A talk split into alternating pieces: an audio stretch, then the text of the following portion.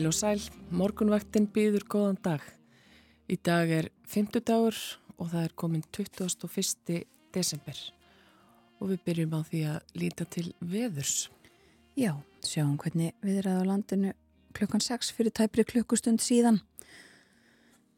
Það er kallt, viðast hverjum landið, jáfnvel nabrara heldur en frostöluðnar segja tilum, en það var þryggjastega frost í Reykjavík norðvestanátt 6 metrar á sekundu og úrkomu löst. Það var allskíjað í stikkishólmi og fjórastega frost. Sekstega frost á Patreksfyrði og sömu leiðis í Bólungavík klukkan 6 í morgun. 6 og 7 metrar á sekundu. Snjókoma í Littlu Ávík og 6 stega frost og 7 stega frost á Holmavík. Fimmstega frost á Blöndósi og hæg sunnanátt. Fjórastega frost og snjójél á Akureyri. Sumuleiðis fjórastega frost á Húsavík. Þryggjastega frost á Rauvarhöfn. Svolítið kvast þar nýju metrar á sekundu norðanátt og 14 metrar í mestu kviðu. Fimmstega frost á Skeltingstöðum og sumuleiðis á Egilstöðum. Þar var skíjað og sunnanátt fjórir metrar á sekundu einstegsfrost á höfni Hortnafyrði, klíjast þar á kortinu og hægur vindur söðvestan tveir. Fjórastegi hiti bæði á Kvískerjum og Kirkibæjaklaustri og hægur vindur en kvast á Stórhöfða í vestmannegjum. Norðvestan 21 metri á sekundu þar klukkan 6 og 2 stega frost.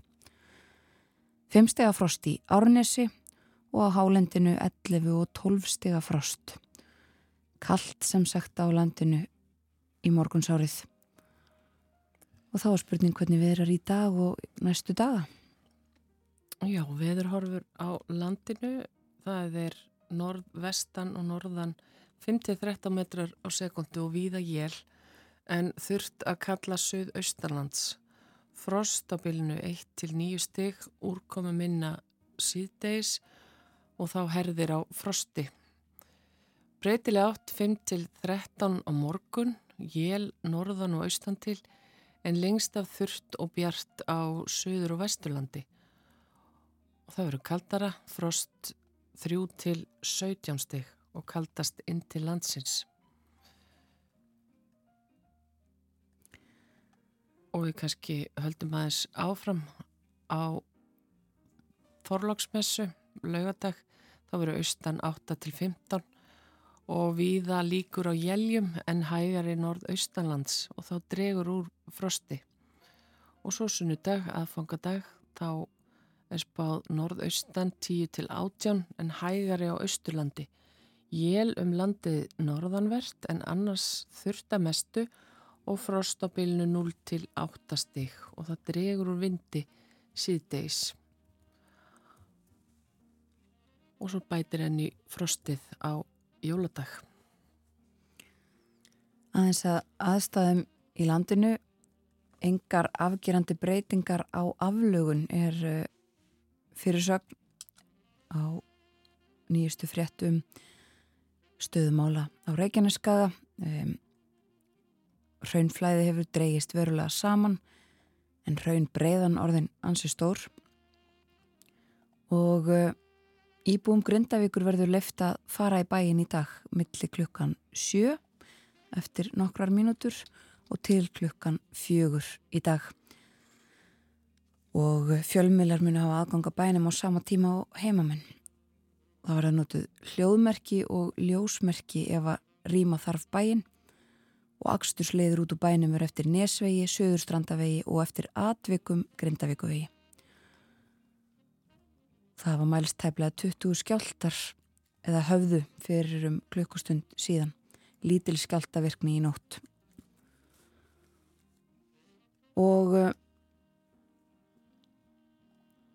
það er uh, erfið færð viða um land. Um, má nefna það að það var afskaplega hálft viða á höfuborgarsvæðinu og hálku blettir víða á stoppbrautum miklu meiri hálka á öðrum vegum Það við talsvert snjóað á norðurhelmingi landsins í nótt og vegir eru eftir því í morgunsárið. Mókstur er víðast hvar byrjaður. Og áfram ég gangi framan af degi helst á norðausturlandi og vegfarendur eru beðnir um að kynna sér aðstæður áður en lagtar af stað. Og það er snjóþekja á fjallvegum um allt land. Má nefna á Suðvesturlandi að það er snjóþekja á Hellisheiði, Þrengslum og Mosulsheiði og hálkaða hálkublettir víða. Á Vesturlandi er ófært á Fróðárheiði og þungfært millir Ólafsvíkur og vatnaleðar. Þæfingur í uppsveitum borgarfjörðar en snjóþekkiða hálka á flestum öðrum leiðum. Og það hefur snjóað mikið á vestfjörðum, þungfærtir á Haldán og þæfingsfærð á Mikladal, Þröskuldum og Innstrandavegi. Sömulegðist þungfært á Þverárfjalli og í Siglufyrði og almenningum á Norðurlandi.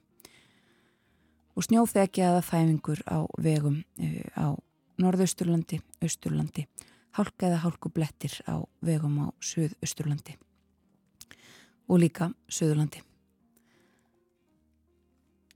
Við heyrum fyrsta lag þáttarins þennan 50 dags morgun þegar að stýttist í jól. Það er Bing Crosby sem að syngur lægið Winter Wonderland.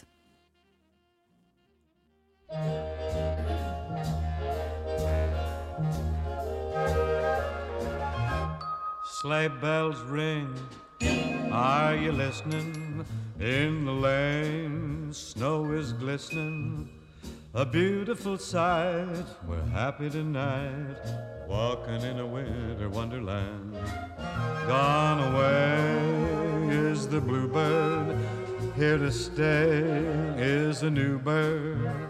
He sings a love song as we go along walking in a winter wonderland. In the meadow we can build a snowman and pretend that he is Parson Brown. He'll say, Are you married? We'll say, No, man. But you can do the job when you're in town. Later on, we'll conspire as we dream by the fire to face unafraid the plans that we've made, walking in a winter wonderland. Sleigh bells ring. Are you listening? Snow is glistening, a beautiful sight. We're happy tonight, walking in a winter wonderland. Gone away is the bluebird.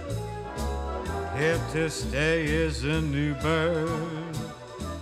He sings a love song as we go along, walking in a winter wonderland. In the meadow, we can build a snowman and pretend that he's a circus clown.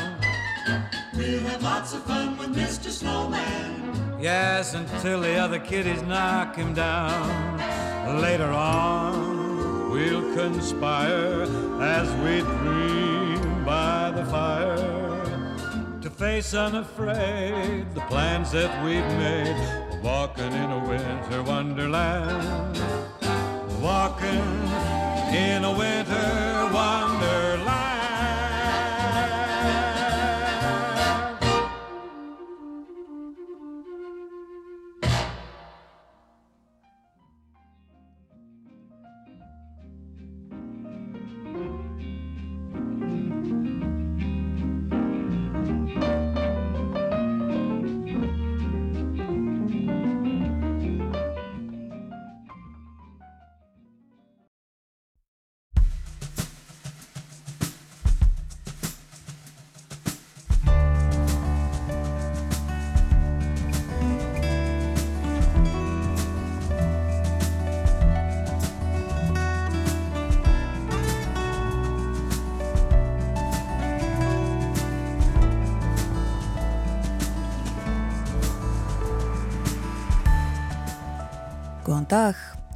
Morgunvaktin hilsar 5. daginn 21. desember.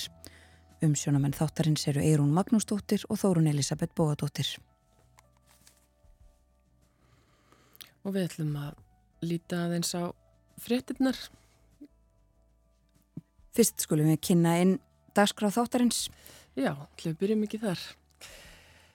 En sorgin bankar oft upp á um hátíðarnar. Við hugsum til þeirra sem eru hornir á braut og heimsækjum kirkjugarðana. Sorgar miðstöð veitir stuðning við sirkjendur og við fáum til okkur á eftir þær Ínu Ólufu Siguródóttur framkvæmdarstjóra og Jóhannu Marju Eyjálsdóttur fagstjóra sorgarmiðstöðar. Áður en að þær koma til okkar sest hjá okkur Þórðursnar Júliusson reittstjóri heimildarinnar. Hann verður með okkur um klukkan halv åtta á ofinnilegum degi en sama tíma og við ræðum meðal annars frekari aðgerðir stjórnvalda í Grindavík sem að fórsættis á þeirra kynnti í gær. Þórður fer líka yfir fjárlaugin eins og þau enduðu og við ræðum um kaupmáttar rýrnun. En börn þurfa að hafa rött í samfélaginu, hvort sem rætt er um skólakerfið eða dómskerfið. Við ræðum við Salveru Nordal umbúsmann Batna í síðasta hluta þáttarins. Og lítum til veðurs, það er frost um allt land, eh, segir frá því í hugleðingum veðurfræðings að lægðin sem gekk yfir landið í gær er nú við vesturströnd Noregs. Hún hefur dýfkað telsvert síðasta halva sólaringin og mun valda ílviðri í norður Evrópu í dag. Við sitjum hins vegar eftir í mun hægari norðvestan og norðanátt Víða 5-13 metrar á sekundu og jél en þurft að kalla á Suðausturlandi. Og frostið í dag 2-9 steg en síðdegis dregur úr ofankomu og herðir á frosti. Á morgun verður áttinn breytileg, vintraði yfirleitt svipaður og í dag og áfram jél en hægari og lengst af þurft og bjart á Suður og Suðvesturlandi og talsvert frost víðast hvar á morgun. Það eru svo áfram líkur á jæljum víða á laugadag sem er þorláksmessa. Það verður austanátt þá 8-15 metrar á sekundu en hægari vindur norðaustanlands. Þá dregur úr frosti en eh, á aðfangadag, á sunnudag verða norðaustan 10-18 metrar á sekundu en hægari vindur á austurlandi. Jélum landið norðanvert en annars þurft að mestu og frostið 0-8 stig Það dregur úr vindi síðdeis ætti því að vera ágættis veður viða á uh, aðfangadagskvöld. Og mánudag sem er jóladagur er gert ráð fyrir breytilegri átt og jæljum en það verður þurft að kalla um landið vestanvert þá herðir á frostinu. Og áfram frost í kortunum á annan jólum, 0 til 7 stiga frost, söðurlægaða breytileg átt og snjókoma með köplum. Það kólnar svo enn í veðri á milli jóla og nýjars. Nefnum líka aftur að það er erfið færð viða um landið. Eh, það hefur snjóað töluvert á norður helmingi landsins og vegir eru eftir því í morgunsárið. En mokstur er víðast hvar byrjaður, segir í tilkynningu frá vegagerðinni.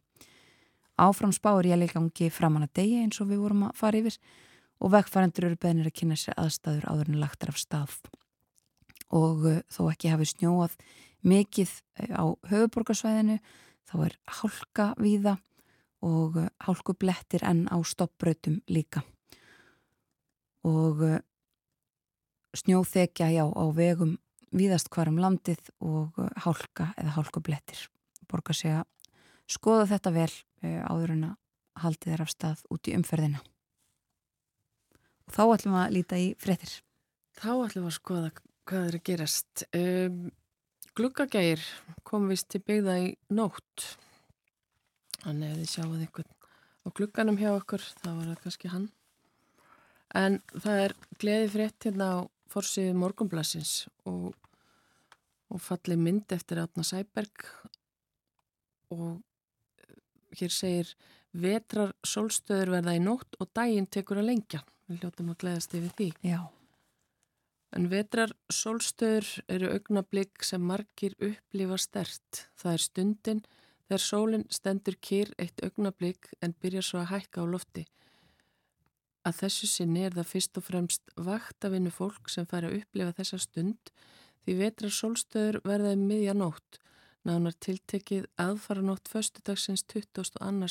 desember klukkan 3.27.19 þannig að ef fólk vil ekki missa af þessu augnabliki þá þarf að rýfa sig upp að fara nótt förstudags bleið hálf fjör. Og það segir hér að í íslenska almanakinu með finna margvíslegan fróðleik. Sólstöður eða sólkvörf eru svo stund þegar sól fer lengst frá miðbögi heimins til norðurs eða söðurs segir þar meðal já, segir þar meðal annars.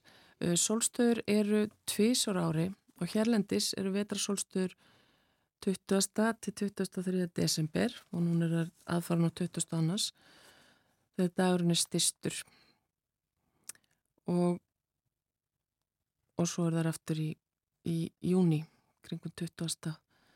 til 23.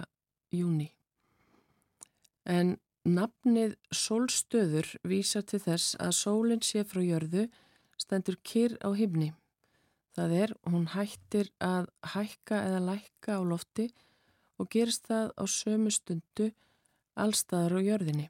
Solstöður er því hægt að tíma setja hár nákvæmt. Á vetrasólstöðum nær myrkrið á norðurslóðum hámarki svo hægt og hægt eftir þá stund lengir hver dag og byrtan ekst. Þetta eru aðeins hænufett í fyrstu en fyrir varir er voru komið og síðan sömarið. Þetta er á fórsíðu morgunblessins og það er auðvitað líka fjallaðum eldgósið. Þetta eldgós sem kom hratt en, en, en svona verist hafa dreyið hratt úr líka og það er auðvitað fjallaðum Grindavík og afleðingar þessa, þessa umbrota og þessa jarræringa og hér á vísi er frett uh, þar sem stendur bæjarstjórn tekur fyrir altjónslista í næstu viku. Altjónslisti frá Náttúrutryggingum Íslands yfir hús í Grindavík veru tekið fyrir að bæjarstjórn Grindavíkur á milli jóla og nýjárs og íbúi segist hafa fengið þau svör að ekki veri hægt að bæta tjón fyrir en afstafa liggi fyrir í málinu. Þannig að bæjastjórnum þar semst að taka afstöðu til málsins. Og fólk auðvitað velti fyrir sér á að byggja á sprungunni á að nýju og fram að því þarf að greiða af lífeyrsjósláni, fastegna göldum, hýta, ramagni eða, og, og hérna og þessi íbúið spyr Grindavíkubæ hvenar mun þetta líka fyrir og mun Grindavíkubær taka að sér þennan kostnað? En það líku fyrir að þetta verður tekið fyrir melli jól og nýjás væntalega þá er ráðhúsi Reykjavíkur þar sem að bæjarstjórn Grindavíkur hefur aðsettur um þessar myndir Já. En við ætlum að líta aðeins út í heim. Já, skoðum nokkrar erlendar uh, forsýður blada og fjölmila það er fjallað um uh, þessi nýju þetta nýja samkómulag Evrópusambandsins um útlendingamál um innflytjanda og hælisleitendamál í dönskum fjölmilum í dag. Og uh, það tekið fram að uh, það sé bæði talað um þessi uh, þetta samkómulag sem tímamót og svo líka eh, eftirgjöf og viðbrað eh, við eh, uppsveiflu hægri öfgaabla ESB-ríkin samþyktu nýjastefnu í gær. Við höfum fjallað um þetta nokkur sinnum með byrni Malmqvist fréttamanni Rúf í Brussel. En reglur verða hertar landamærastöðum verður komið upp við það og það verður reynd að létta á söður Evrópuríkjum sem að hafa tekið á móti lang flestum hælisleitundum og flottamönnum hinga til. Og uh, þetta hefur verið þrætu öfli í langan tíma. Hvernig beri að taka á þessu?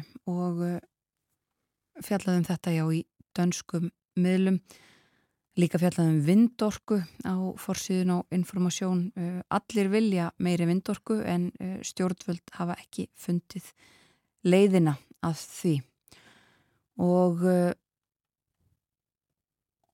nefnum líka í tengslum við þessi innflytjandamál að Emmanuel Macron fraklandsfórsiti er að ræða þau ekki bara á evrópskum grunni öllum heldur líka frumvarp sem að hann og hans stjórn hefur lagt fram í Fraklandi um, og er umdelt, þetta er umdelt frumvarp og þar í landi eru líka uh, hægri öflin lengst til hægri uh, þau styðja uh, þessar breytingar og hann hafnar því nú í fjölmjölum í dag að þessi viðbröð stjórnvalda síu vegna hægri öfgaflokka og neytar því að, að það sé sigur fyrir þá flokka.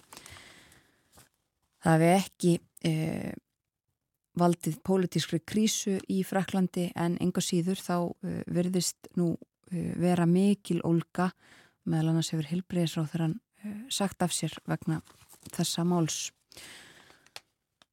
Fyrir maður til Bretlands þar sem að uh, óvendar tölur bárust í gær, uh, óvendar tölur af uh, því að þar hefur verðbolga fallið.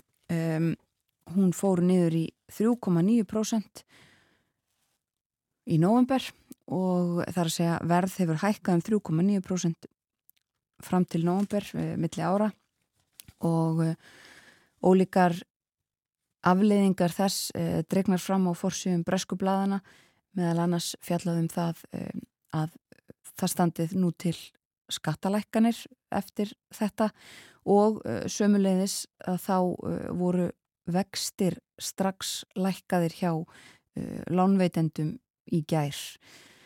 Ódýrari eh, húsnæðislán eh, munu auðvelda fólk í lífið eh, er fórsýðu fyrirsögn á The Times munu minka kostnað við það að draga fram lífið. Það sé yfir miljón húsnæðis eiganda sem að muni græða á þessu eða hagnast.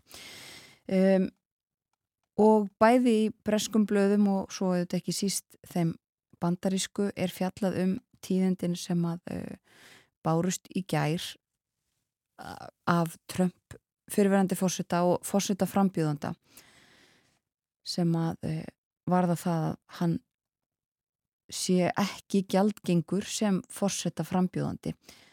Þetta var í Colorado þar sem að þessari niðurstöðu var náð í hæstarétti ríkisins og fjallaðan um það bæða á forsjónum á, á til dæmis Washington Post og New York Times að um, nú muni þetta mál bætast við ímismál sem að þurfi að taka á í hæstarétti bandaríkjana þar sem að eru nokkrir dómarar sem að Trump sjálfur skipaði í ennbætti og nú er tekist á um það hvort að það eigi að uh, flýta þessum málum eða ekki og þetta getur haft veruleg áhrif á framvindu kostningabaróttunar og, og kostningana sagt í, í einni greiningunni til dæmis að það um, sé útlitt fyrir að hæstiréttur hafi meiri áhrif í þessum kostningum heldur en í kostningunum um, þegar að hæstiréttur ákvarðaði um úrslitin það var þegar að George W. Bush og Al Gore áttust við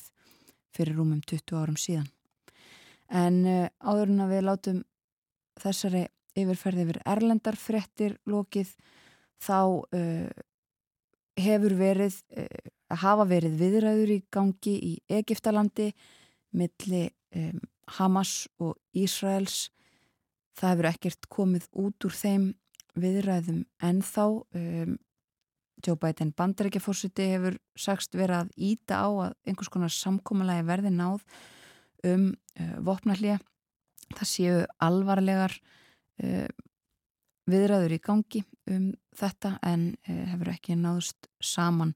Leðtói Hamas hefur að sögn hafnað því að bardugum verði hætt því að Hamas liðar hafa barist að einhverju leiti við Ísraelska hermen á jörðu niðri á Gaza en um, hafa hafnað því fyrir en að Ísraelsmenn hætta sínum árásum og ekki síst uh, loftárásunum sem að hafa orðið tögþúsundum að bana síðustu uh, vikur. En uh, látum þessu lokið í byli af erlendum frettum. Við skulum hlusta á eitt lag og uh, það er jólalag. Heyrum er líða fyrir að jólum. Ragnar Bjarnarsson gerði þetta lag uh, upprunalega þekkt en uh, hér heyrum við það í flutningi Sigurða Guðmundssonar og Sigriðar Torlasjus.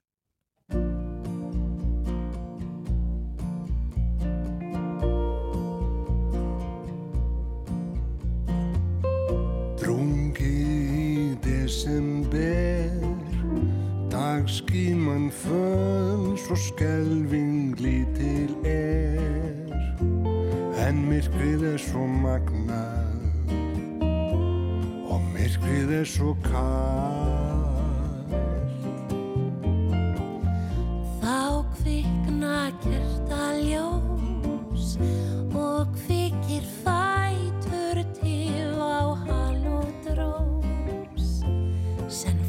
frelsara er fagna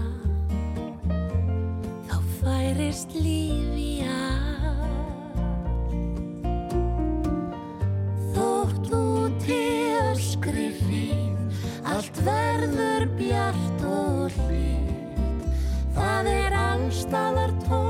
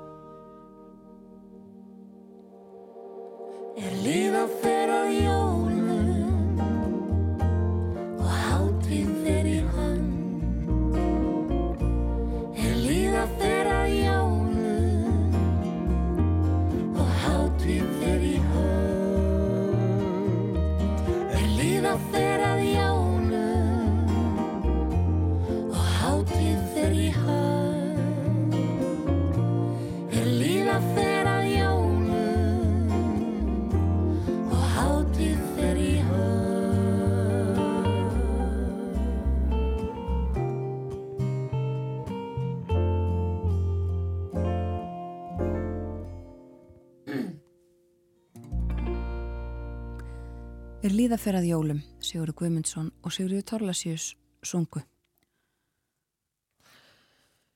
Það er atvinnublað sem fylgir morgunblaðinu í dag. Það er maður þess að líta í það. Þess að þar eru auglýst uh, hátt í 30 ný störf hjá nýri stopnun sem tekur tilstarfa 1. apríl næstkomandi og það er þjónust og þekkingarstopnun sem starfar í þá barna og ungmenna á sviði mentamála og þessi nýja stopnun á að heita miðstöð mentunar og skólaþjónustu MMS og það er einmitt sama skamstöðun og stopnunin sem verður samhliða lög niður mentamálastofnun og hér er auglist eftir eftir hinum og þessum sérfræðingum bæði í skólamálum og lögfræði prófagerð námskagnagerð og hinn og þessu. Þannig að það er það er margt það er margt í bóði hjá nýri stopnun sem tekur til starfa á næsta ári. En hér á eftir kemur Þóruðsnær Júliusson til okkar. Við förum yfir aðgerðir til uh, handa grindvikingum sem fósettisráðara kynnti í gær og sitt hvað fleira. Síðar í þættinum ræðum við um sorg og svo er það Salve Nordal umbúsmaður Batna sem verður hjá okkur í síðasta hluta þáttarins en við skiptum yfir á fréttastofuna. Thank you.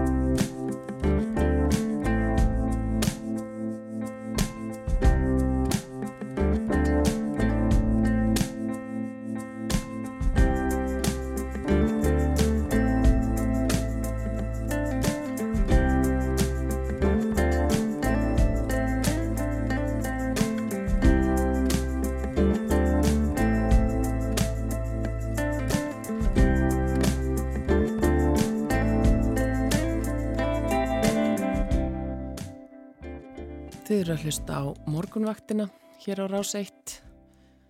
Klukkan er 32 mínútur yfir sjö. Og við sitjum hér Eirun Magnúsdóttir og Þórun Elisabeth Bógadóttir og við ætlum að vanda að ræða Ímis mál. Já, hér á eftir ætlum að ræðum sorg. Sorgin er fylgifiskur jólana og við tölum um þau mál eftir frettinnar klukkan átta við þær Ínu Ólöfu Sigurðardóttur og Jóhannu Marju Eyjólfsdóttur frá Sorgarmiðstöðinni. Og í síðasta hluta þáttarins verður Salver Nordal umbúsmaður barnagerstur okkar. Tölum um börn.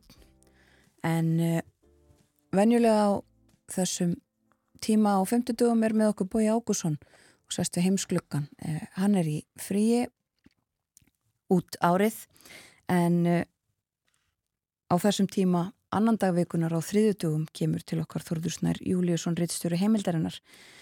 eins og hlustendum er kunnugt þá varð uh, fór að gjósa á mánudagskvöld og uh, Þorður var því ekki með okkur á þriðudaginn, rættum um eldgós og stöðumála á Reykjaneskaga og við komum svo sem aðeins inn á þau mál hér og eftir ætlum að ræða aðgerðir sem að búið þeirra tilkynna að greipi verið til aukalega eh, vegna grindavíkur en við ætlum að byrja á að ræða fjárlögin sem að samþygt voru á lögadag. Góðan dag Þóru Snær. Góðan dag Þórun.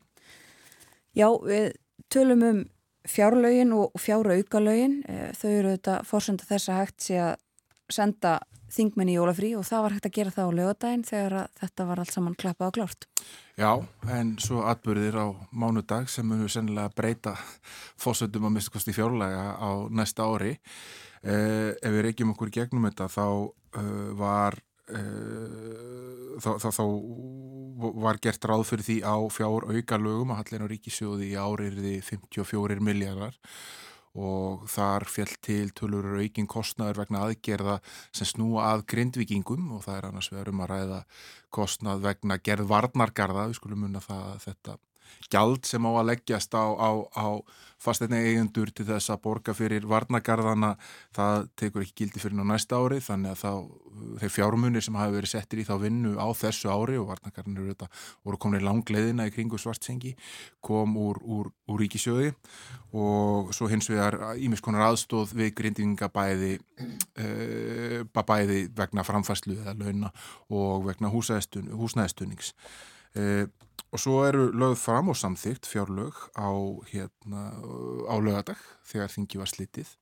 Og einhverja breytingar urðu á fjárlögunum á milli annar og þriðju umræðu. Uh, Hallin er núna á næsta ári áallagur 51 miljardur króna þannig að við erum enþá að lifa um efni fram ef uh, svo er hægt að komast orði. Og við höfum farið yfir það áður á þessum vettvangi að, að þetta er, er vaksta kostnaður hins ofnbæra farin að býta mjög fast í ríkisjóð uh, vaksandi hluti skulda ríkisjóðs eru, eru verðtriðar og það þýðir einfallega bara stóra aukinn kostnaður í þegar verðbólka ástandi sem við erum í í dag. Já, ég man ekki held að einhverju milljarðar allavega sem að tala varum fyrir hvert, hvert uh, prósundu stygg Já, þú veist, og, og það vakstakostnæðurinn er veist, við vel rúmlega 100 miljardar á, hérna áallæður á næsta ári. Já. Um, og já, það er gert ráð fyrir þessum 51 miljardar króna halla og það er einhverja breytingar sem eruðu á bæði gjalda og tekjuhliðinni á millannar og þriðu umræðu. Uh, á gjaldahliðinni kannski vekur mesta aðtikli ákverðun efnas- og viðskiptanendar sem hafði ími skjöld til skoðunar og laðiði fram tilögur um breytingar um það að milda hækkun á svo kalluðu fiskjeldiskjaldi sem átti til einfullur að hækka úr uh, 3,5% í 5% af hver, hverju slægðu kílói. Uh, og, hérna, og það var ákveðið að hækka það bara um upp í 4,2% þess að það fara ekki eftir upprunleiri tilög ráð þeirra um það og það sagt, lækkar uh, áætlað gjald sem sjókvíja eldis fyrirtæki þurfa að greiða á næsta ári um tæplega 350 miljónir eða 346 miljónir til þess að vera nákvæmur. Og svo eru þetta ymsar hækkanir og það er snúa flestar af Grindavík eða, eða jarðhræringum. Uh, það er þetta hækka gjöldinum fjóra miljardar uh, langþingst vegur stuðningur í tengslu við stuðugrindækur sem er um tæplega 3,1 uh, miljardur uh, 2,4 vegna laga um tímabundi stuðningsti greiðslu launa vegna náttúruhamfarana og aftur þetta er á lögadag áður en það fóra gjósa og það voru kannski svona væntingar til þess að, að þetta, þetta tímabil myndi verða stittra en, en kannski leit út Eh, þegar grinda eitthvað rýmt hérna fyrir ekkit svo löngu. Og til viðbótar uh, var gert ráð fyrir 450 miljón króna eh, húsnæðistuðningi uh, þar sem er meðal annars uh, á að setja peninga inn í hérna það að, að greiða niður vexti í tengslu við kauplegu félagsins bríet á um 80 íbúðum sem ætlaðar voru til útlöðu til grindinga og svo þurft að styrkja uh, málaflokka uh, rannsókna og vöktun á náttúru Íslands uh, vegna þess ástand sem uh, er nú uppi og, og þar eru 160 miljónir til viðbótar. Þannig að uh, ég held að það megi fullir það, sérstaklega í ljósi yfirlýsinga fósittisráður að í gær þar sem hún sagði raunverulega að það ætti að framleikja húsnæðistuðningin út veturinn. Húsnæðistuðningurinn er svona áallega núna til grindinga eh, ef ég mann rétt á að standa út februar eða, eða til svona setni hluta februars þannig að eh, það er fyrirlikjandi að, að, að það muni þurfa eh, meira fjármagn úr ríkisjóði til þess að standa undir slíku. En þegar er búið að gefa heimild fyrir á fjárlögum og, og hérna en Ríkisjóður er þannig að umfangi að, að, að þetta eru heldur ekki tölur sem hann ræður ekki við uh, það er áallega að að tekjur Ríkisjóðs á næsta ári verið 1356 miljardar króna þannig að einhverjir uh, miljardar til og frá þar áttur þetta séu þetta risastóra tölur fyrir allt venjulegt fólki eru ekki risastórar í þessu samhengi. Mm. Akkurat, uh, já og, og þetta var tilkynnt uh, varðandi grindvikingaði mitt í gær, uh, Katrín Jakobsdóttir kynnti þetta á upplýsingafundu Almanna Varna að það erði ráðist í, í frekar breytingar. Hún var nú spurð um sko um eitt kostnæðar áallun og nákvæmlega hversu lengi þetta ætti að standa svaraði því ekki beint bara út veturinn. Fannar Jónasson bæðistur í Grindajökur sagði svo að það væri líklega að vera með að við út skólárið þannig að það er kannski þá fram í júni.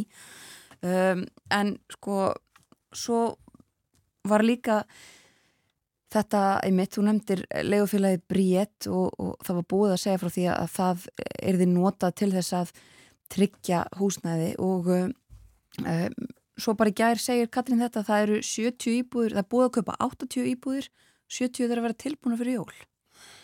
Já, það var þetta aðdegli uh, en það sem kannski uh, spila þar inn í er að, að það eru þetta rosalega margar íbúður til sölu og miklu fleiri íbúður til sölu en hafa verið undanföldnum árum og raunar fleiri íbúður núna til sölu en voru fyrir heimsfaraldur. Uh, og það sem hérna, ger það auðvitað verkum eru aðgýri selabankan sem hafa dempað húsnæðismarkaðin svakalega mikið og gert uh, fleirum erfitt fyrir að komast inn á hann. Og því standa margi sem hafa staðið í stórtækri uppbyggingu, til dæmis vertakar sem hafa verið að byggja stór fjölbílishús og hjálpil heilu hverfin uh, kannski uppi með tölvöld magna af íbúðum. Mm. og mann segir svo hugur að það sé verið að kaupa þær íbúðir. Og hérna og þær eru þetta meir og minna tilbúnar þannig að hérna, í mörgum tilfellum komnar að það stiga það þarf kannski ekki mikið til þess að gera þær íbúðarhæfar mm. þannig að hérna, það er auðvitað að einhverju leiti bjóða aðstæðunar upp á svona yngripp sem hlýtur að teljast jákvægt þegar fólk er á rakólum og, og stendur fram með fyrir mikilli óvissu og uh, ég held að það nú bara verið þannig að eh, nánast bara innan við sólarhing á þeirra nokkum klukkutímum áður en að byrja að gjósa þá var bæjastjórnir Grindavík að tala um það að uh, húsnæðismálinn væru algjörlega í forgrunni fyrir þá grindvikinga sem uh, sæju fram á það að tímabundi samlingar sem voru með voru kannski að renna út um miðjan januar og það þyrti að búa til einhverja ef maður notar eitthvað orðskripi, svona skamtíma framtíðasín til hérna, e, e einhverja svona framsýni til skemmri tíma e, fyrir þetta fólk þann þanga til það skýrist hvort og þá hvenar fólk getur snúið aftur til heimilisinn ekkert enda ekki. Já, akkurat, já, ég held að hann hafi talað um að það væru hundra fjölskyldur eða svo sem að væri mitt í bara mjög brytni uh, þörf fyrir húsnæði, en já, og uh, svo auðvitað kannski sínir þetta okkur að uh, það borgar sér ekki að eh, gera ráð fyrir einhverjum endanlegum tölum hvað þetta varðar. Þetta er síbreytilegt og, og eh, við veitum ekki hvað gerist, hvað náttúran gerir eins og Katrín sagði. Nei, en svo kannski má minnast á það veist, og það sem Fannar myndist líka á uh, þegar hann var að tala um þetta er að, hérna, að það standa auðvitað margi fram fyrir því að vera að borga tveimur húsnæðum. Uh, og það er engin laust komin raunverulega í það þú veist, það er ekki, hérna, þú fær eitthvað svona greiðslu skjól og bankar hafa samþitt að, að rukka ekki uh, vexti og verbætur í þrjá mánuði en það stendur samt alveg það líkur samt alveg fyrir að, fólk á eitt húsnaði í Grindavík og er síðan að borga af öðru og ef við notum það sem brú yfir í stöðu mála heilt yfir hérna hjá heimilum landsins þá er þetta þannig að vaksta kostnaður heilt yfir hefur verið að vaksa alveg gríðala. Íslensk heimili borguðu næstum 92 miljardum króna meira í vexti á fyrstu nýju, eða borguðu næstum 92 miljardar króna í vexti á fyrstu nýju mánum ásins sem er 32 miljardum meira enn í fyrra. Það er aukningu upp á rúmlega 50% á milli ára ja.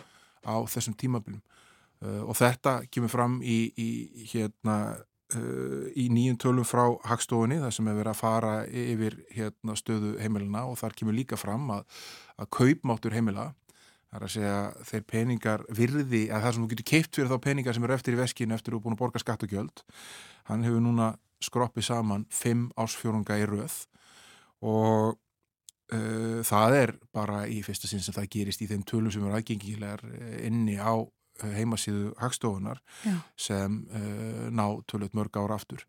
Þannig að hérna, heilt yfir er staða heimilina auðvitað að fara hríð vestlandi og það á ekki að koma neinum á óvart í ljósi þeirra aðstæðina sem hafa verið hér uppi viðvarandi mjög há verðbólka gríðarlegar vakstahækkanir sem ekki er fyrir síðan að síðan fara að dragast tilbaka minnstakosti í nánustu framtíð og uh, mikil tilfæsla uh, fólks úr óvertriðum lánum yfir í verðtrið sem því það að, að hérna að mánarlegar afborganir að húsnaði eru fannar að býta þannig að fólk hefur bara einfallega ekki efna og stand undir óvertröðu lánum í sífælt auknum máli og svo framvegis.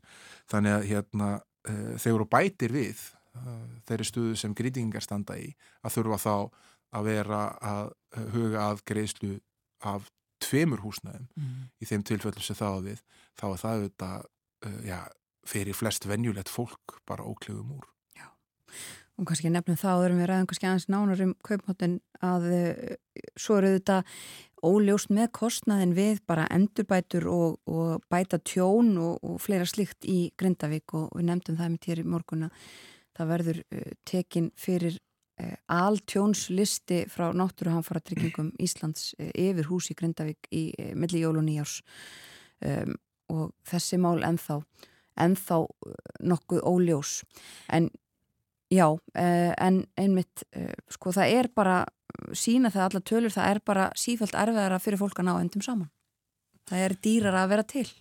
Já og við sjáum það líka bara á þeim áherslum sem eru að teiknast upp núna í komandi kjaraviðræðum þar sem virðist vera myndast uh, tölvert stór breyðfylking uh, hérna innan, það var reynd að fá öll að þetta félög aðeins í saman Uh, og það verður ekki, það eru einhverjir ángar uh, innamanna, heldur afiðinamenn uh, sérstaklega sem ætla ekki að vera með í því samflóti en það samflót sem er að teiknast upp ef að það gengur eftir og horfa á eblingu, vaffer, starfsgrunnarsambandi uppstuð fara í samflót þá er það stærra samflót en stóða lífskjæra samningunum þegar þeir voru gerir fleiri aðeilar að því og áherslunar þar eru ekki virðast vera á einhverja stórtækja launahekkanir heldur aðgerðir til þess að vinna buga verðbólgu og, og vöxtum mm. og svo að krefja stjórnvöld um stórtæka aðkomu meðal annars með því að, að bæta í e, millifæslu kerfi sem hafa e, staðið út undan á undanföldnum árum, barnabóta barnabætur, vakstabætur annars líkt, stórfældar raunverulega rækjerir í húsnæðismálum til þess að mæta þeirri stuðu sem er á þeim markaði. Þannig að hérna, það endurspeglar þá alvarlegu stöðu sem er að teiknast upp varðandi fjárhag heimilina, það er augljóstað og alla kannanir sína það að sífelt fleiri er í erfileikum með það að láta enda ná saman. Það endur speiklast í þessum tölur sem ég fór yfir hér áðan um það að kaupmáttur hefur að draga saman fimm ásfjörðunga í röð uh, og uh, auðvitað er það því miður alltaf þannig í svona ástandi þegar uh, verðbólka er há að það eru tekjulegstu hóparnir og svona jaðarhópar sem eru mjög viðkvæmir. Staðar er alltaf tóltið viðkvæm. Einstæðingar, uh, innflytjendur uh, aðri slíkir uh, sem verða fyrst fyrir barðinu ástandinu og þetta verst þegar það ílengist. Mm. þannig að þar er staðan þetta sífælt að verða verri og maður sér það líka í kunnum að sára fátækt til dæmis innan hópa eins og, eins og örkja er að aukast mjög rætt Já Jú, hér uh, líka aðeins að koma inn á Þorður, við höfum talað nokkur sunnum, uh, þó nokkur sunnum um Marel uh, nú í haust og vetur og svo gerðist það, var það ekki í síðustu viku sem að það bárust fréttir af því að þetta, þessi sjóður eða þetta fyrirtæki JBT hefði gert nýtt tilbóð í Marel. Þetta vakti miklu aðtegli þegar tilbóðið kom, stæstu eigandunir í Eyri samþyktu það eða svona gáð út einhverju yfirlýsingum um það fyrir sitt leiti en, en stjórnin hafnaði tilbúðinu og uh, nú hefur komið fram nýtt tilbúð í Marel sem er samt, er það ekki óskuldbundandi? Eh, þetta er óskuldbundandi yfirlýsingum með mögulegt yfirtöku tilbúð. Eh, sama orðskripi og var notað síðast eh, og þetta er svona, við rættum það nú síðast við rættum Marel hér að, hérna, að það var svona undirleikiti tótni í því þegar stjórn Marel hafnaði þessu þessari mm, óskuldbindandi yfirlýsingu um mögulegt yfirtyrku tilbúð síðast að, hérna, að það væru klárlega væntingar til þess að fleiri tilbúð myndu berast bæði frá JBT og mögulega öðrum út af því að það hafa erlendir vonusjóður verið að sína Marel áhuga líka. Uh, og það reyndist, uh, við reyndum sansbá um það uh, og það var rannulega kannski ekki hérna, mikil, mjög erfitt að draga þá að komast að þeirri niðurstöðu að slíkt geti gerst vegna þess að í ennskri útgáfu uh, af uh, fyrri tilkynningu til kaupallar um, þetta, um þessa yfirlýsingu þá kom fram að þetta væri upphaflegt skref sem væri að stíga og gaf til kynna að, að, hérna, að það fleiri skref gætu verið stígin. Mm. Núna er búið að hækka tilbúið, núna eins og það var sett fram fyrir viku þá hljóðaði upp á 386 miljardar króna í all hlutafið og það eru líka nokkur aðra breytingar sem skipta máli. Meðal annars kemur fram í yfirlýsingunni um mögulegt yfirtökutilbóð uh, að það er búið upp á tvöfaldaskráningu út því að Jóbit tíði skráði í bandarækjónum uh, skráningu á Íslandi líka og það skipti máli gagvart íslenskum lífeyrissjóðum sem vilja alls ekki missa Marel úr kaupöllinni og ég heldur raunar að, að, að Íslensk atunlífur höfuð og hvað þó kaupöllin sjálf vilja alls ekki missa Marel út úr kaupöllinni þótt að nafnunu veri breytti í Jóbit þannig að, hérna, að það ætti að liðka fyrir mögulegum áhuga lífeyrissjóðana og líka að það er búið til svigrum um það hvernig eh, eigendur Marel fá borga það er að veist að að opna á það að þeir geta fengið allt í reyðu fjö en þeir geta líka fengið í hlutum í saminuðu félagi tölvöld magn. Þannig að hérna, þeir sem vilja vera áfram hluthafar eh, þeir geta verið það og þeir sem vilja kannski fara halva leið Uh, fá eitthvað reyðu fjö og, hérna, og halda einhverju hlut geta gert það og þeir sem vilja bara eins og maður segir á óvönduðu máli kassa út, þá hérna, geta þeir gert það. Já. Og þetta gæti vel líðkað fyrir en, en mér segis líka svo hugur að, að það er eftir að karpa aðeins meira um verðið uh, en þetta virðist svona vera þannig alvara í þessu að það er megi vænta þess að það er svona meiri líkur en minni eins og staðan er í dag að uh, það verði einhverja breytingar hjá Marel í nánustu framtíð. Já, og rétt í lokin þóruðu þú nefndir lífeyrissjóðuna sem ekki vilja missa Marel úr landi. Þeir eru stórir uh, fjárfestar í Marel eins og já, mörgum öðrum fyrirtækjum í kaupöllinni.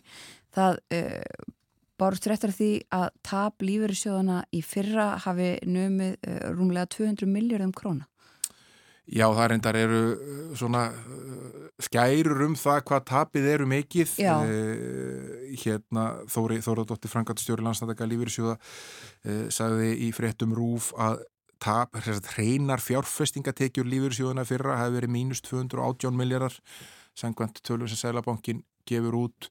Eh, og það var svona ansvar við því að Ragnar Þór Ingórsson, formadur Vaffer hafi sagt að Lífyrirsjóðunar hafi tapað rúmlega 800 miljardum á árunnu 2022 mhm. mm og uh, Gilvi Magnússon uh, profesor sem kannu ymmislegt fyrir sér í, í, í, í þessum tölum uh, kom svona með ansvarið því og, og, og, og sagði að hérna að fyrirtalan, talan svo sem Ragnar stuttist við, hafi nú verið nær lægi í fæslu sem hann byrti á Facebook.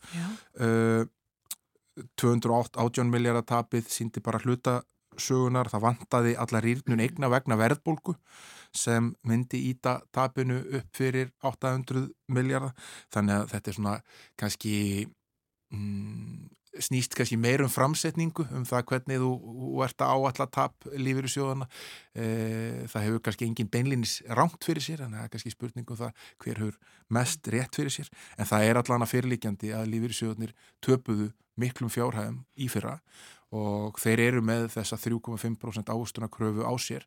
Og þegar það er hort, hort á það að hún auðvitað, náðist ekki heldur þá er höggið tryggingafræðilega uh, meira Mm -hmm. Þeir eru ekki að ná águstunni innan ás sem stemt á rað og tapa tölvett líka og þar skiptur auðvitað miklu máli að verið hlutabriða uh, eh, dróst verulega saman og það er tap í ár líka, ég held að það sé óumflíjanlegt að hérna, nema eitthvað stórgóðslegt gerist hérna á allra síðustu dögum desembermánaðar. En líka á móti þá eru þetta lífyrsjóðir langtíma fjárfæstar og 5 ára ávöxtun og 10 ára ávöxtun þeirra, hún er skapleg. Þannig að e, það má segja að hérna svona e, þátt verið þetta sé mikið högg að fá tvö svona ár eins og 2022 og 2023 verða þá e, til lengri tíma e, er ávöxtunin mun betri. Kæra þakki fyrir í dag Þorðusnar Júliusson. Takk. Við leipum frettastofinni að morgun frettir koma á slæjanu átta og höldum svo áfram með setni hluta morgunvaktarinnar.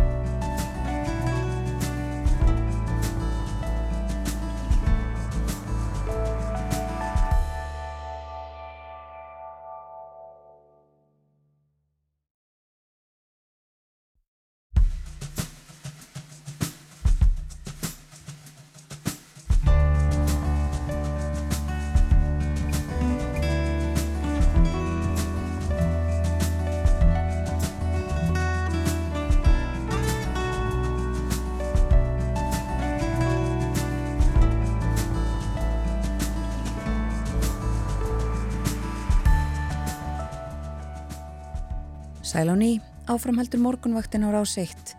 Klukkan er tæpar 6 mínútur gengin í nýju. Það er 50 dagur í dag, 20. og 1. desember. Við heyrðum í frettatímanum af eh, stöðumála í Grindavík.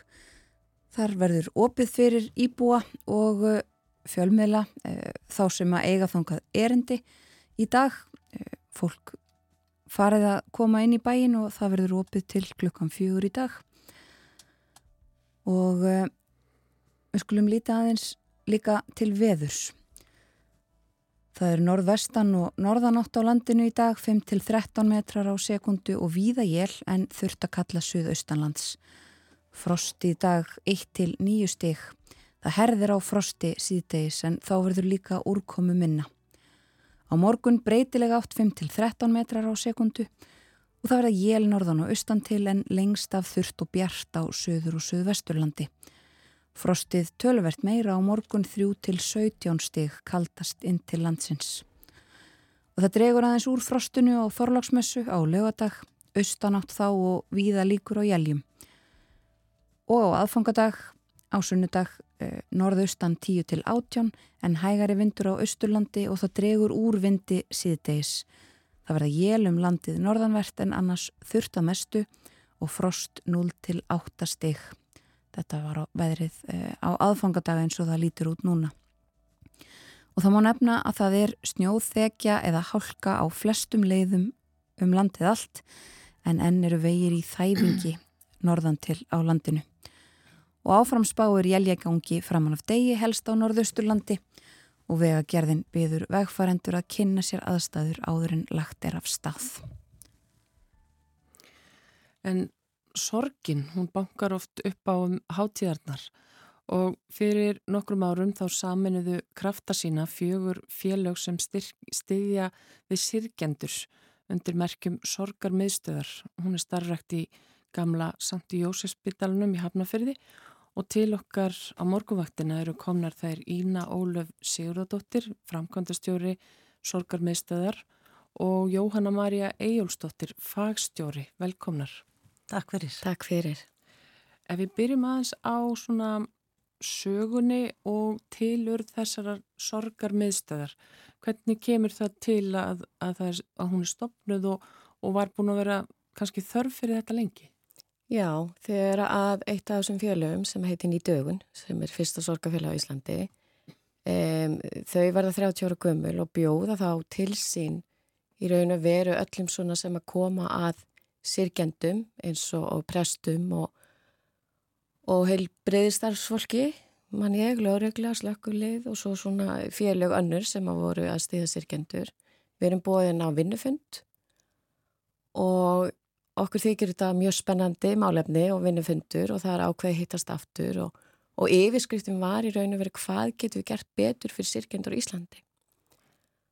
Og eftir hvað, tvö-þrjú skipti þar sem þessi hópur hittist þá í raun og veru erum við sammálum það að það þarf að vera eitthvað miðstöð það þarf að vera eitt staður sem að grípa boltan og í raun og veru bara vinnur hann svo áfram vegna þess að ég mana að eitt lauruglumæður sem var í mínum hópa hann segir við mig sko við erum ekkert með að reynu hver er hvað hva ljónsérsta gerir nákvæmlega eða gleymir eða en að geta sagt bara sorga miðstöð, hún grýpur boltan og svo fara málinn í ákveðum farveg. Þannig að það varð úr og þá er það raun og verið sko formin þessar félaga, aðaldafélaga sem að taka sér saman og stopna svo miðstöð. Já, og þessi félag, kannski telur þau öllu? Já, þetta voru sérsett ljónsjarta sem að, e, var félag fyrir ungar ekki rekla og bett þeirra gleymir eistunnsfélag fyrir fólk sem missir uh, á meðgöngu og í fæðingu. Uh, þetta var Byrtalandsamtök uh, og svo var þetta líka nýt dögun. Ja. Og svo hafa orðið ykkur breytingar, nú til dæmis samhegð orðið líka aðaldafélag, það er félag sem er á Norðurlandi. Og já, þetta var svona í raun og veru hópurinn sem fórast að með þetta verkefni. Jóhanna, þú ert fagstjóri sorgarmiðstöðar. Eh, hvernig kemur þú inn í þetta starf? Hvernig kemur það til? Já, já, mér var búið að koma að starfinu með því að hérna, vera hópstjóri til að byrja með með stuðningshópa. En ég kem upphæla, ég er sem sagt djákni að ment og uh, hérna það er ekki mörg ár sem ég útskrifaðist. Að ég hef verið svona mjög viðlóðandi sorgina eftir að ég útskrifaðist og svo hef ég persónulega reynslu líka. Og ég vann til dæmis að útfara stofu eftir ég útskrifaðist sem djákni og þá svona vaknaði áhugin minn enn frekar á að styðja fólk í sorg.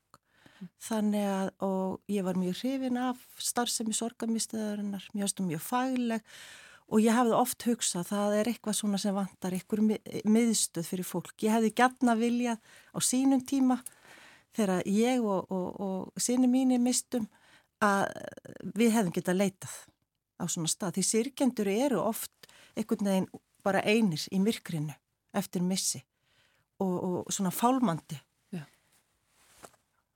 E, finnið þið fyrir því í desember að eru fleiri sem að leita til sorgarmestöðar á aðvendunni til dæmis? Já, sko, fólki kvíðir oft þessum tíma og, og þá er það eitthvað sem að, og það er líka bara eitthvað sem við all þekkjum og við sem að komum að sorgarmestöð við þekkjum flestöld sorgina og höfum mörg hver mist ástfinn. En já, ég fundi það fljótt að við þurftum að taka sérstaklega utanum fólk á þessum tíma og og við hefum reynd að gera ímislega til þess um, svona fyrst og fremst þá erum við með sagt, jóla erindi sem heitir bara jólin og sorgin og þar erum við að fara svolítið bara vel yfir all bjargráðin hvað getur við gert til þess að hlúa betra okkur þegar við erum með sorg og það er svona ímis aðrið sem að hérna maður getur haft í huga en ekki síst varðandi sko ætningi á vini hvað getur þeir gert til þess að steyðja við bakið á fólki sem er í sorg. Og það er svona bóðskapur sem við viljum svolítið koma út á þessum tíma. Og svo höfum við líka verið með sko um, kransagerð, það er mjög notalega stund, þá hefur verið að heita bara sirkjendur og útbúi leiðiskransa og hérna og það hefur verið mjög vinsælt og alltaf verið í rauninu verið bara full bóka hjá okkur. Svo erum við líka með sorgartri í helliskerði. Það Það, já, það settum við upp hvað fyrir tveimur árum og það er mjög notalegu staður og þá er hægt að, að hérna, koma saman og setjast undir treð og aðeins að hugsa til ástfinnar og já, það er svona ímislegt svona sem við kannski reynum bara að gera sérstaklega fyrir fólk að þessum tíma. Já. Svona til þess að hlúa að sirkjöndum. Já, en hvað er hægt að gera núna um jólinn ef að e, til að hlúa einmitt að þeim sem að kannski hefum sárt að binda vegna til dæmis nýlegs missis? Sko það er, það er ímislegt og hérna ég er sem sagt hef þá reynslu persónlega að hafa mist bara kortir í jól fyrir nokkuð mörgum árum síðan. Þá lést faði minn og, og afi svona minna. Og hérna og þetta var bara onni jólinn þannig að, að hérna það var, ég hafði enga burði til þess að, að undibúa eða gera neitt. En það er mikilvægt fyrir börnin að halda, halda venjónum og reglunni eins og hægt er. Og þá til dæmis um föðmuðu vinkunum mínar, mig og okkur og buðist til að kaupa gafirnar, jólagjafirnar. Og það bara, ég ætla ekki að segja hvað það skiptir miklu máli, það er komið bara innpakkaðar á aðfangadag þannig að síni mínir fengu gafirna sínar. Það er ímislegt. Nú jólin eftir að þá hafði basfæði minn og fyrirverandi eigimaður og fæðir svona minna, hann, hann var látin þá, þannig að skindilega vantaði það nórið tvo ástvinni við matarborðið á aðfangandaskvöld og uh, þá kvíldu við bara í faðmi vina. Vini mínir byggðust til að bara halda jólin eila fyrir okkur og bjóða okkur til sín ja. og við áttum bara notaleg jól en í rauninni sko hérna, það er svo margt sem hægt er að gera. Bara ég hvet svona ættingja og vini að hafa frumkvæði vegna þess að sirkjandin hefur ekki endilega burðið til þess. Ekki segja, hafðu bara samband, allt í lagi að segja það, en fylgdu því eftir. Þú, þú skal bjóðast til að gera eitthvað, vestla inn. Bara, til dæmis það er bara, það er, tekur heil mikið, að því kvíðin er nægur samt. Þannig að þessi, svona, þessi praktísku mál og líka bara þessi, þessi tilfinningar hlýja sem að er hægt að sína og það þarf ofta ekki að gera mikið. Nei, ég tek svo undir þetta. Þegar fólk tekur að sér ákveðum verkefni og ég deili þessa reynslu með henni Jóhanni Marju að, að missa manni minn í november og þá sagt, eh, kem ég heim eitt kvöldið þarna rétt fyrir jól og þá er nágrænum minn til dæmis búin að hekja bjólaseriðunar mm. og uh, já, samstagsfólk það bakaði, hittist og bakaði smákökur og, og svo er hægt að móka tröppurnar og það er hægt að bjóðast til að fara með bílinni dekkaskipti skilji, það er hægt að gera alveg helin helling til þess að leta undir. Og maður er heyrst sögur eins og að vinir mæti og pakkin göfum og, og svo er það líka bara uh, í raun og veru hvað sirikending getur líka gert til þess að létta undir sínum jólum. Ja. og það er eitthvað sem við höfum líka verið svolítið að ræða við okkar fólk að, að í raun og veru kannski fyrst og fremst að sína sem mildi að við séum ekki setja þessa kröfur á okkur. Og við erum ofbáslega bundin líka hefðum á Íslandi. Og ég man til dæmis, ef við tekjum mig sem dæmi að þá voru þarna, já, þau missa pappa sinn í nógumber og ég ein mann og, og svo komið aðfaka degi og þá á að fara upp í garð af því það er vennjan og hefðin að fara upp í garð og kveika kerti og svo þurfum að leiðin upp í garð þá eru bara börnum fann að rífast aftur í og, og eru komin úr ójafægi svo ég tók bara ákveðin að snúa við Já. og ég hef ekkert farið upp í garð á aðfangategi síðan vegna þess að Ég fann bara að þetta kom þeim algjör ójavægi og ég vildi ekki aðfangadagurinn erði svolítið í þeirri stemmingu sko. Og ég veit að átna mínum honum væri sko alveg saman það hvernig fyrir mig byggarðin og við gerum það, vil bara milli jólu nýjást í dag. Þannig að það er alls konar svona sem að má alveg brjóta upp. Það þarf ekki að fylgja öllum sem reglum og við þurfum ekki að þrýfa svona mikið og við þurfum ekki að baka sjálf, það má kaupa allt og vesla á netinu og Þannig að það er svo margt sem að, að hérna, við getum gert til þess að létta okkur. Ég teka mitt undir þetta sem að ín er að segja og þetta með að sína sér mildi og í rauninni eftir missi náins ástvinnar að þá náttúrulega breyti lífið um lit og þá sér, sér maður hlutuna svolítið í öðru samhengi. Þannig að maður sér hvað skiptir máli í þessum aðdraðanda sem eins og Ína sagði er uppfullur af hefðum og vennjum stundu vitum við og út af hverju þar eru. Þannig að brjóta þetta upp svolítið og létta á og annað sem ég langar að koma um þetta og það tengis börnunum að, að því fólk spyr hvernig á ég að undirbúa jólinn, þú veist hva, hvað á ég að gera? Og það kemur fram í stuðningshópastarfin oft hjá okkur. Að hafa börnin með líka í ráðum þar of spurt á ég kannski bara fara í burtu fyrstu jólun eftir missi? Kannski. Og það er ekkit eitt svar í þessu. En, en hérna en stundum bara eru börnin ekkit viljug að fara eitthvað því þau eru oft fastar í hefðunum en við. Já. Þannig að bara taka þessar ákvarðinu svolítið saman. Auðvitað þurfum við stundum að taka af skarið en stundum erum við að hugsa hlutina út frá þessum fullortna. Það stundu ekki það líka verið þægilegt. Þess að mínu tilfelli verið með tvö lítil börn Já. og, og þau bara svolítið settu tónin. Þú veist, hvernig viltu skreita, hvað viltu gera og ég man að ég upplifa að mér fannst það bara pínu þægilegt að láta þau bara stjórna ferðinni. En svo er það líka eitt í þessu að, að hérna, sirkjendur eru líka stundum að vandrast með hvernig á að fara inn í hennan dag. Og eins og okkar hópastarfi þegar nú sinni hópastarfi uh, hjá ungum ekki meklum, yngsta hópnum og þar eiga flesti börn.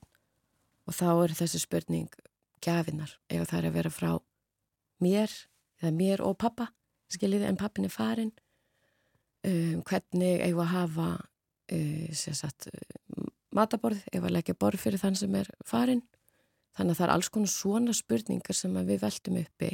Og það er eins og Jóhanna segir, gott að hafa börnum meira á þeim. Og svo þurfum við bara að gera sem okkur lífi vel með.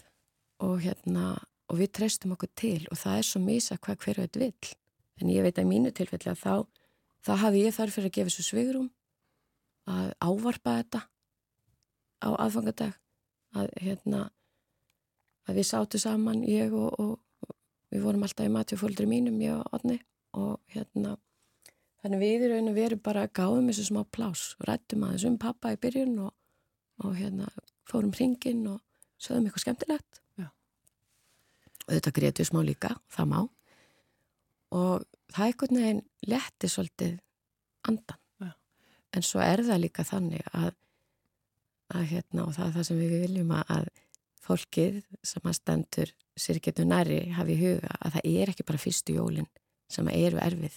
Þau eru oft þókukend þegar maður er nýbúin að missa eða þegar fólk missir skindilega en það er svo gott ef ættikjóru vinir hafa það í huga að muna eftir okkur á jólunum og svona erfiðum dögum bara litla kveðjur eða, eða um eitt þessi aðstöð Já. Og aðvendan náttúrulega sem slík er uppfull líka af einhverjum samverustundum oft á tíðum sem tengjast viðkomandi ástvinni. Þannig að þú veist, við erum sífælt mynd á það. Þannig að þú veist, það er mjög mikilvægt að, að sína nærgætni og eins og Ína segir, þetta er ekki bara fyrstu jólinn. Nei, en það sem ég, mér finnst kannski vera svolítið rauð, rauður þráður í því sem þið eru að segja er að, að það þarf að reyna eftir, eftir bestu getu að, að hafa þetta svolítið afslappað, ræðamálinn og ekki fara í svona spennu ástand þar sem að fólki líður eins og að verða að gera þetta og verða að gera hitt heldur kannski að reyna ef hægt er að, að svona bara, já, að nota mildina sem útgangspunkt. Já, og við sko með þetta erindu okkar jólun og sorgin að við reynum til dæmis að halda það í november vegna þess að fólk fer að hugsa út í þessa hátíð til að snemma og við komumst ekki hjá því því að við erum upplifað auðlýsingar og íkæði með jólaskruti í oktober og og þá förum við svona hugsa út í hennan tíma og mögulega kvíða fyrir honum. Þannig að við reynum að taka þetta erendi í november og, og þar er lendi kannski slásöldi á hennan kvíða Já. og við finnum það með alla svona daga sem að reynast erfið líka svo dánadagar og amalistagar að þegar maður er aðeins búin að undibúa sig að þá reynist þetta oft aðeins auðveldara að fara inn í svona hátistaga eða amalistaga eða annað. Mm. Þannig að Já, það er svolítið gott að taka þetta samtal og, og, og vera svolítið búin að hugsa út í hvernig við viljum hafa hlutina og það sem við kannski líka bendur fólki á að við lesum ekki hugsanir hvers annars að þegar einstaklingu deyra þá eru svo margir í kringum hann sem er að sirkja og, og þegar að við erum búin kannski ákveða okkur jól eins og ég og, og börnin að það er svo gott að við töljum saman. Við látum vita hvað ætlum að gera hvernig við viljum hafa hlutina þannig að allir séu meðvitaðir. Og, og það er eitthvað sem að, að sirkjendu þurfa að hafa í huga það er svo opnu samskipti. Því leið og við getum svolítið talað opið um okkar líðan, okkar á milli að þá reynist þetta ferli auðveldara en, en hérna já, það, Já, ég er sammála. Svona þóra að ávarpa hlutina er mjög mikilvægt og líka þetta með skipulagi, það skiptir miklu máli en svo þurfum við líka að vera viðbúin því að líðan á viðkomandi degi getur verið þannig að skipulagið hérna bara fellur úr skorðum og þá þurfum við að sína okkur mildi. Já. Kæra þakkir fyrir að koma til okkar. Takk Jóhanna, Takk. Jóhanna Maria Ejólfsdóttir og Ína Óluf Sigurðardóttir frá Sorgarmiðstöð. En það fyrir að líða frétta yfirleiti.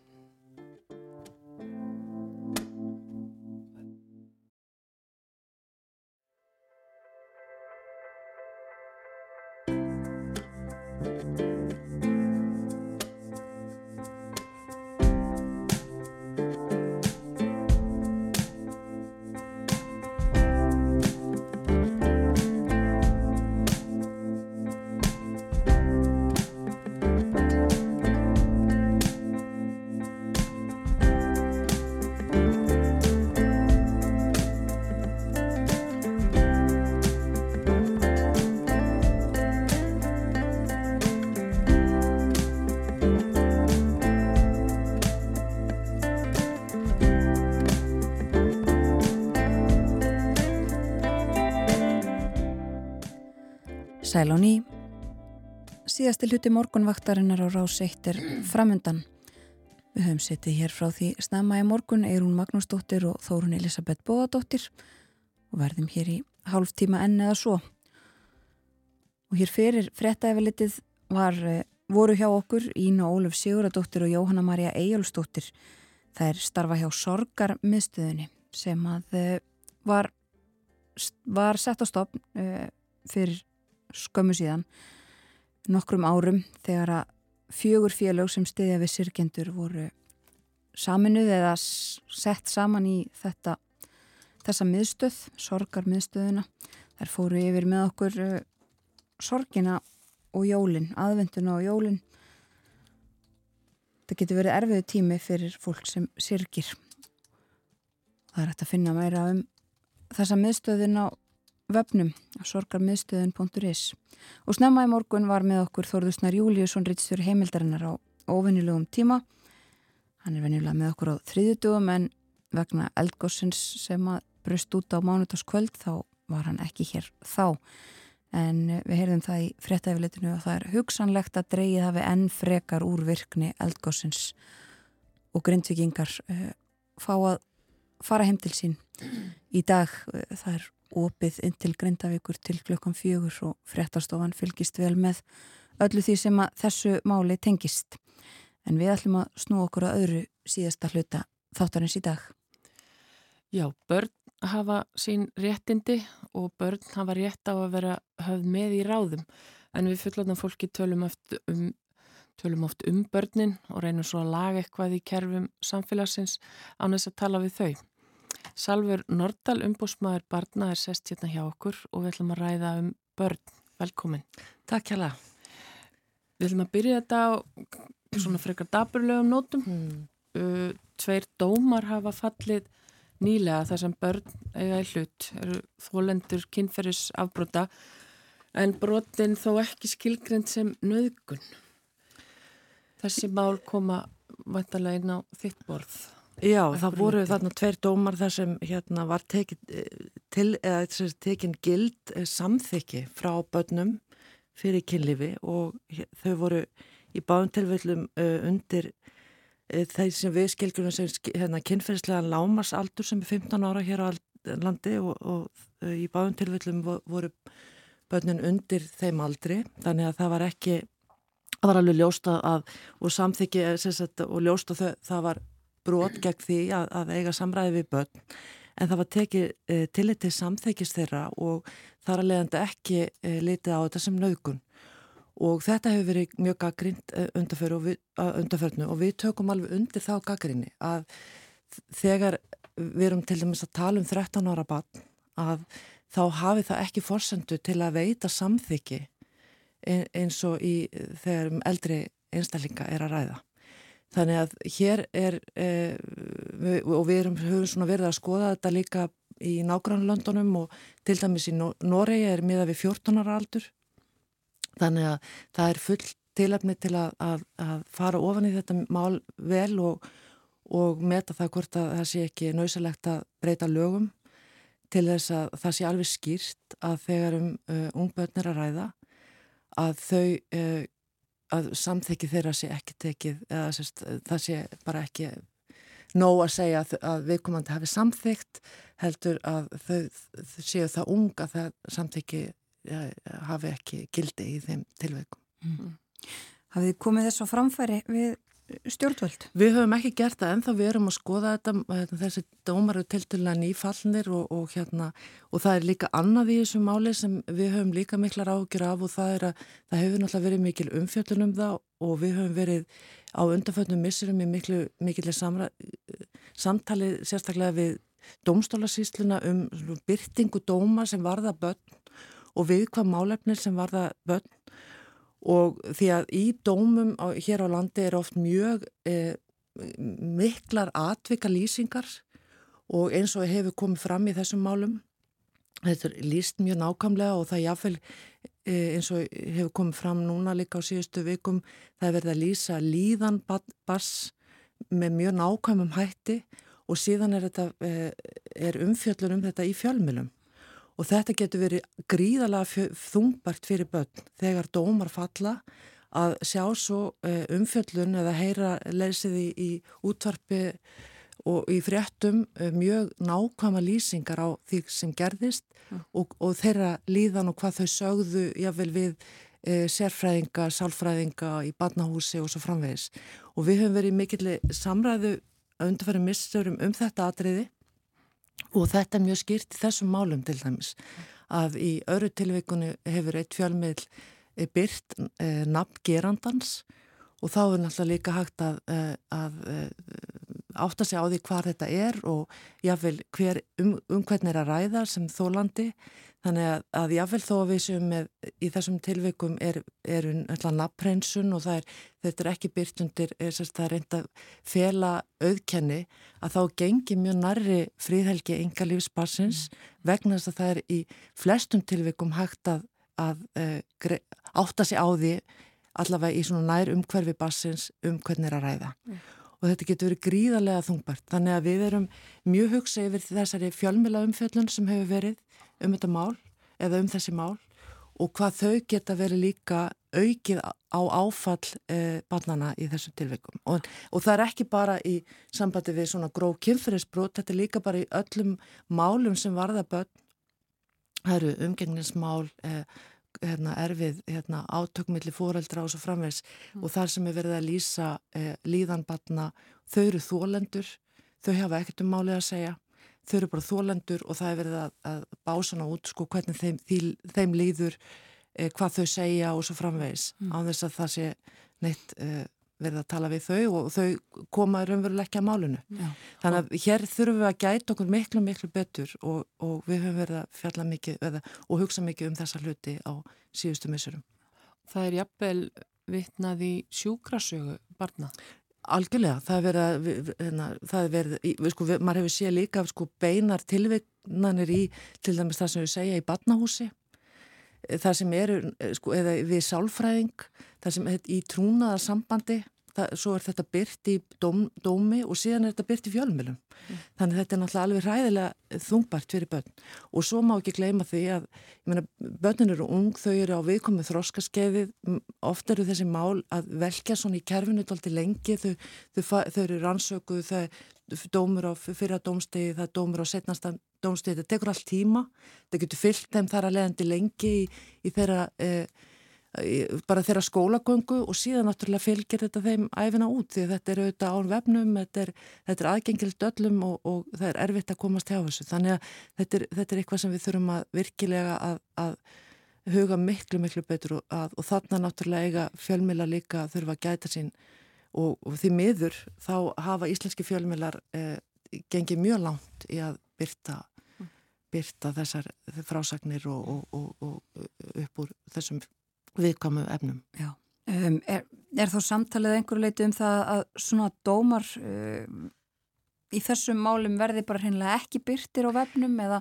Já, það hefur komið til tals, sko, þetta er svolítið mismunandi eftir löndum hvernig þetta hefur verið gert, stundum er, sko, hér eru byrtingi svo mikil, ég meina þetta fer, þetta eru rafrænt, þetta fer beint út til fjölmila og hérna og með öllum gögnum málsins eða þannig að þetta er hérna allur dómurinn, all, all mhm. lýsingin, það, það, það má hugsa sér að, að, að að dómarnir séu sjálfur ekki svona að þessi aðeins mildað eða sagt, hérna, orðalæði í dómnum sjálfum þá má hugsa sér líka að, að hérna, hluta af ánum sé lokaður mm. e, það, að þannig að þau þurfi sérstaklega leiði til að, hérna, að, að nálgast ákveðna tegundóma og svo framvegst. Það er, er ímsar útfæslur til en að minnstakosti þá er þetta alveg ljóst og við vitum alveg um fjölmör dæmi menn þetta er alveg gríðarlega þungbart fyrir börn þannig að, og þetta er annað, þetta getur verið sko annað áfall þegar dómurinn fellur og umfjöldinin eh, verður síðan um þetta.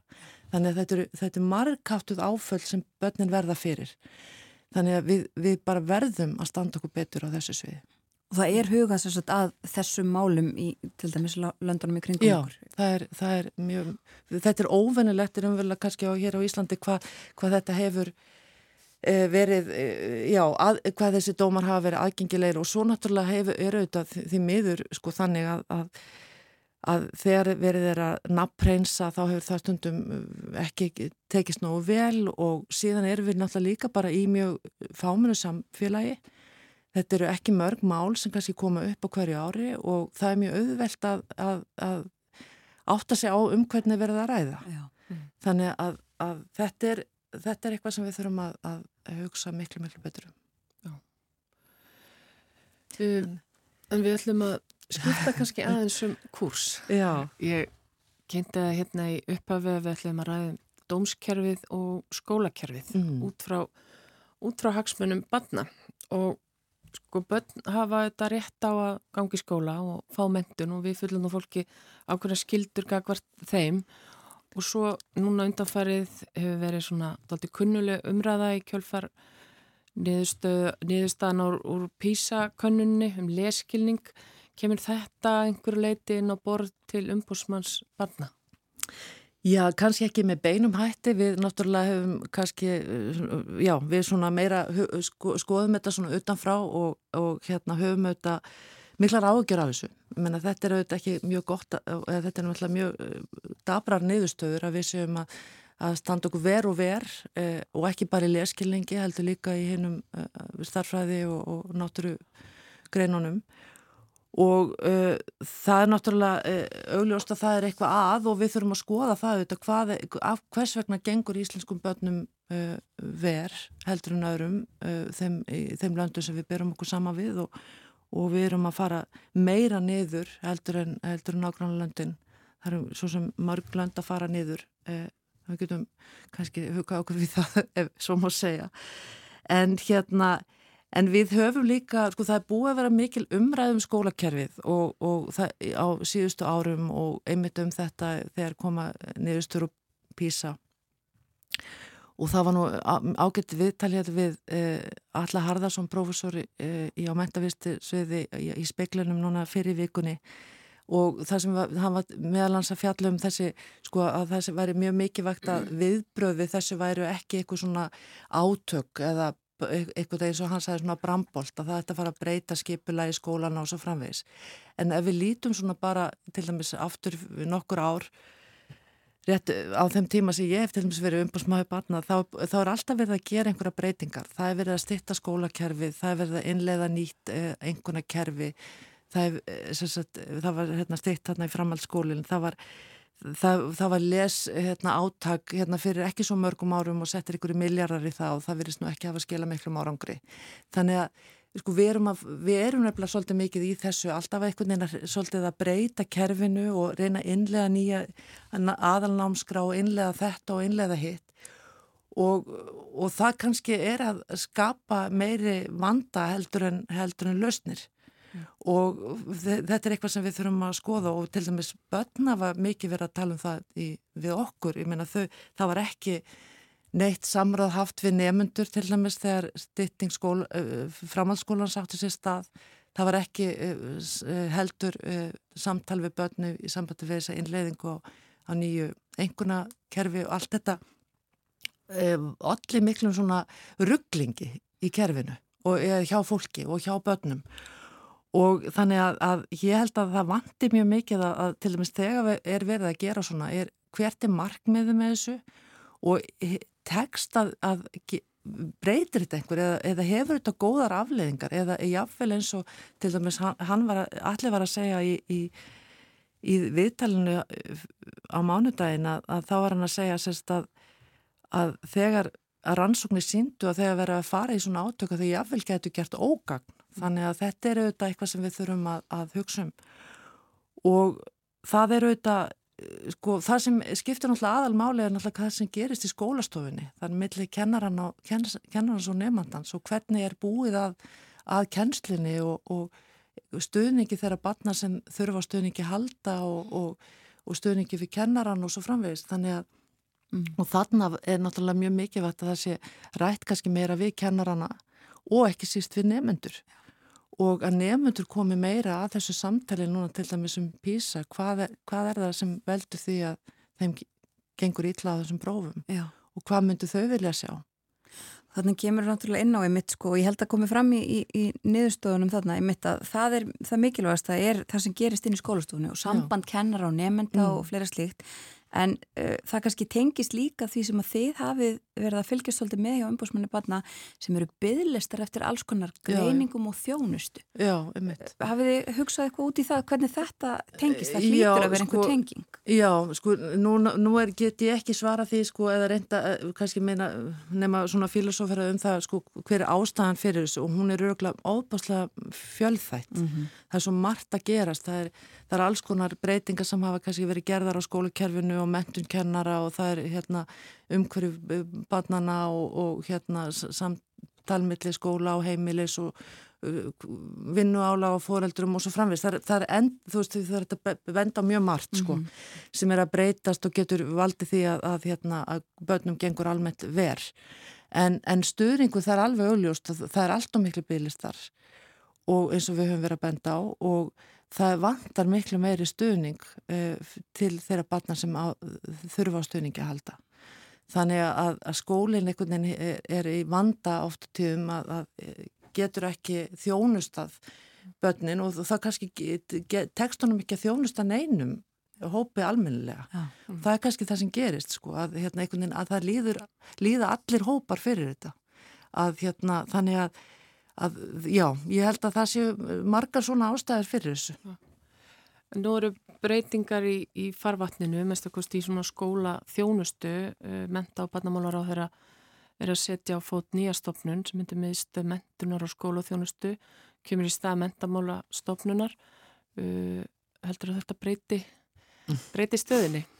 Já, sko, maður auðvitað vonar að, hérna, að skólandi fái aukna þjónustu og, og, hérna, og þau börn sem þurfa á þjónustu að halda fái þá þjónustu. Það er náttúrulega bara grunn atriði og vonandi hefur mun þessi stopnun sérsagt já, bæta þjónustu við skóla og, og geta komið inn í mál, erfið mál kannski inn, inn í skólakerfinu. Afsakið. En ég meina einn stofnun náttúrulega breytir ekki þessari stöðu held ég, ég held að þau eru náttúrulega miklu meira til. og ég held að, að það sé einmitt þetta við, við leysum þetta ekki ofanfrá, þetta er einmitt þetta hvernig, hvað gerist í skólastofunni? Hvernig, hvernig náum við að, að bæta kjensluna og bæta að, aðstöðuna í, í skólanum?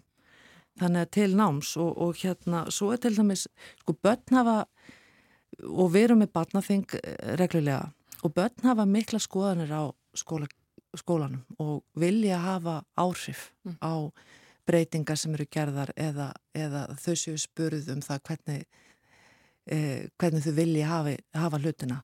Eitt af því sem kem hefur komið oft fram hjá á barnaþingum og, og já, oft þegar við erum að tala við börn er það að þau vilja sjá minna heimanám mm.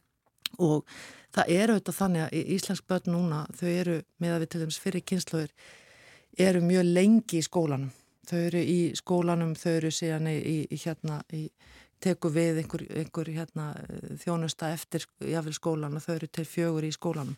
Síðan teku við erfu tími ofti á heimilum þegar allir eru að koma heim þreyttir og það eru auka tímar sem börn, eh, tómstundir sem börn eru að fara í og, og síðan á líka eh, að klára heimanámið og, og maður veldi fyrir sér hvort að þetta ákall eh, batna um minna heimanám segi eða sést sé e, vísbendingum það að það er bara ómikið álag á heimilónum þess að fjóra klukkutíma sem allir eru vakandi saman millir hvað er það, fimm og átta eða hvað er e, fimm og nýju eða hvað er á heimilum að það sem væri betra að þau líki heimanáminu í skólanum í, á þessum langa vinnudegi.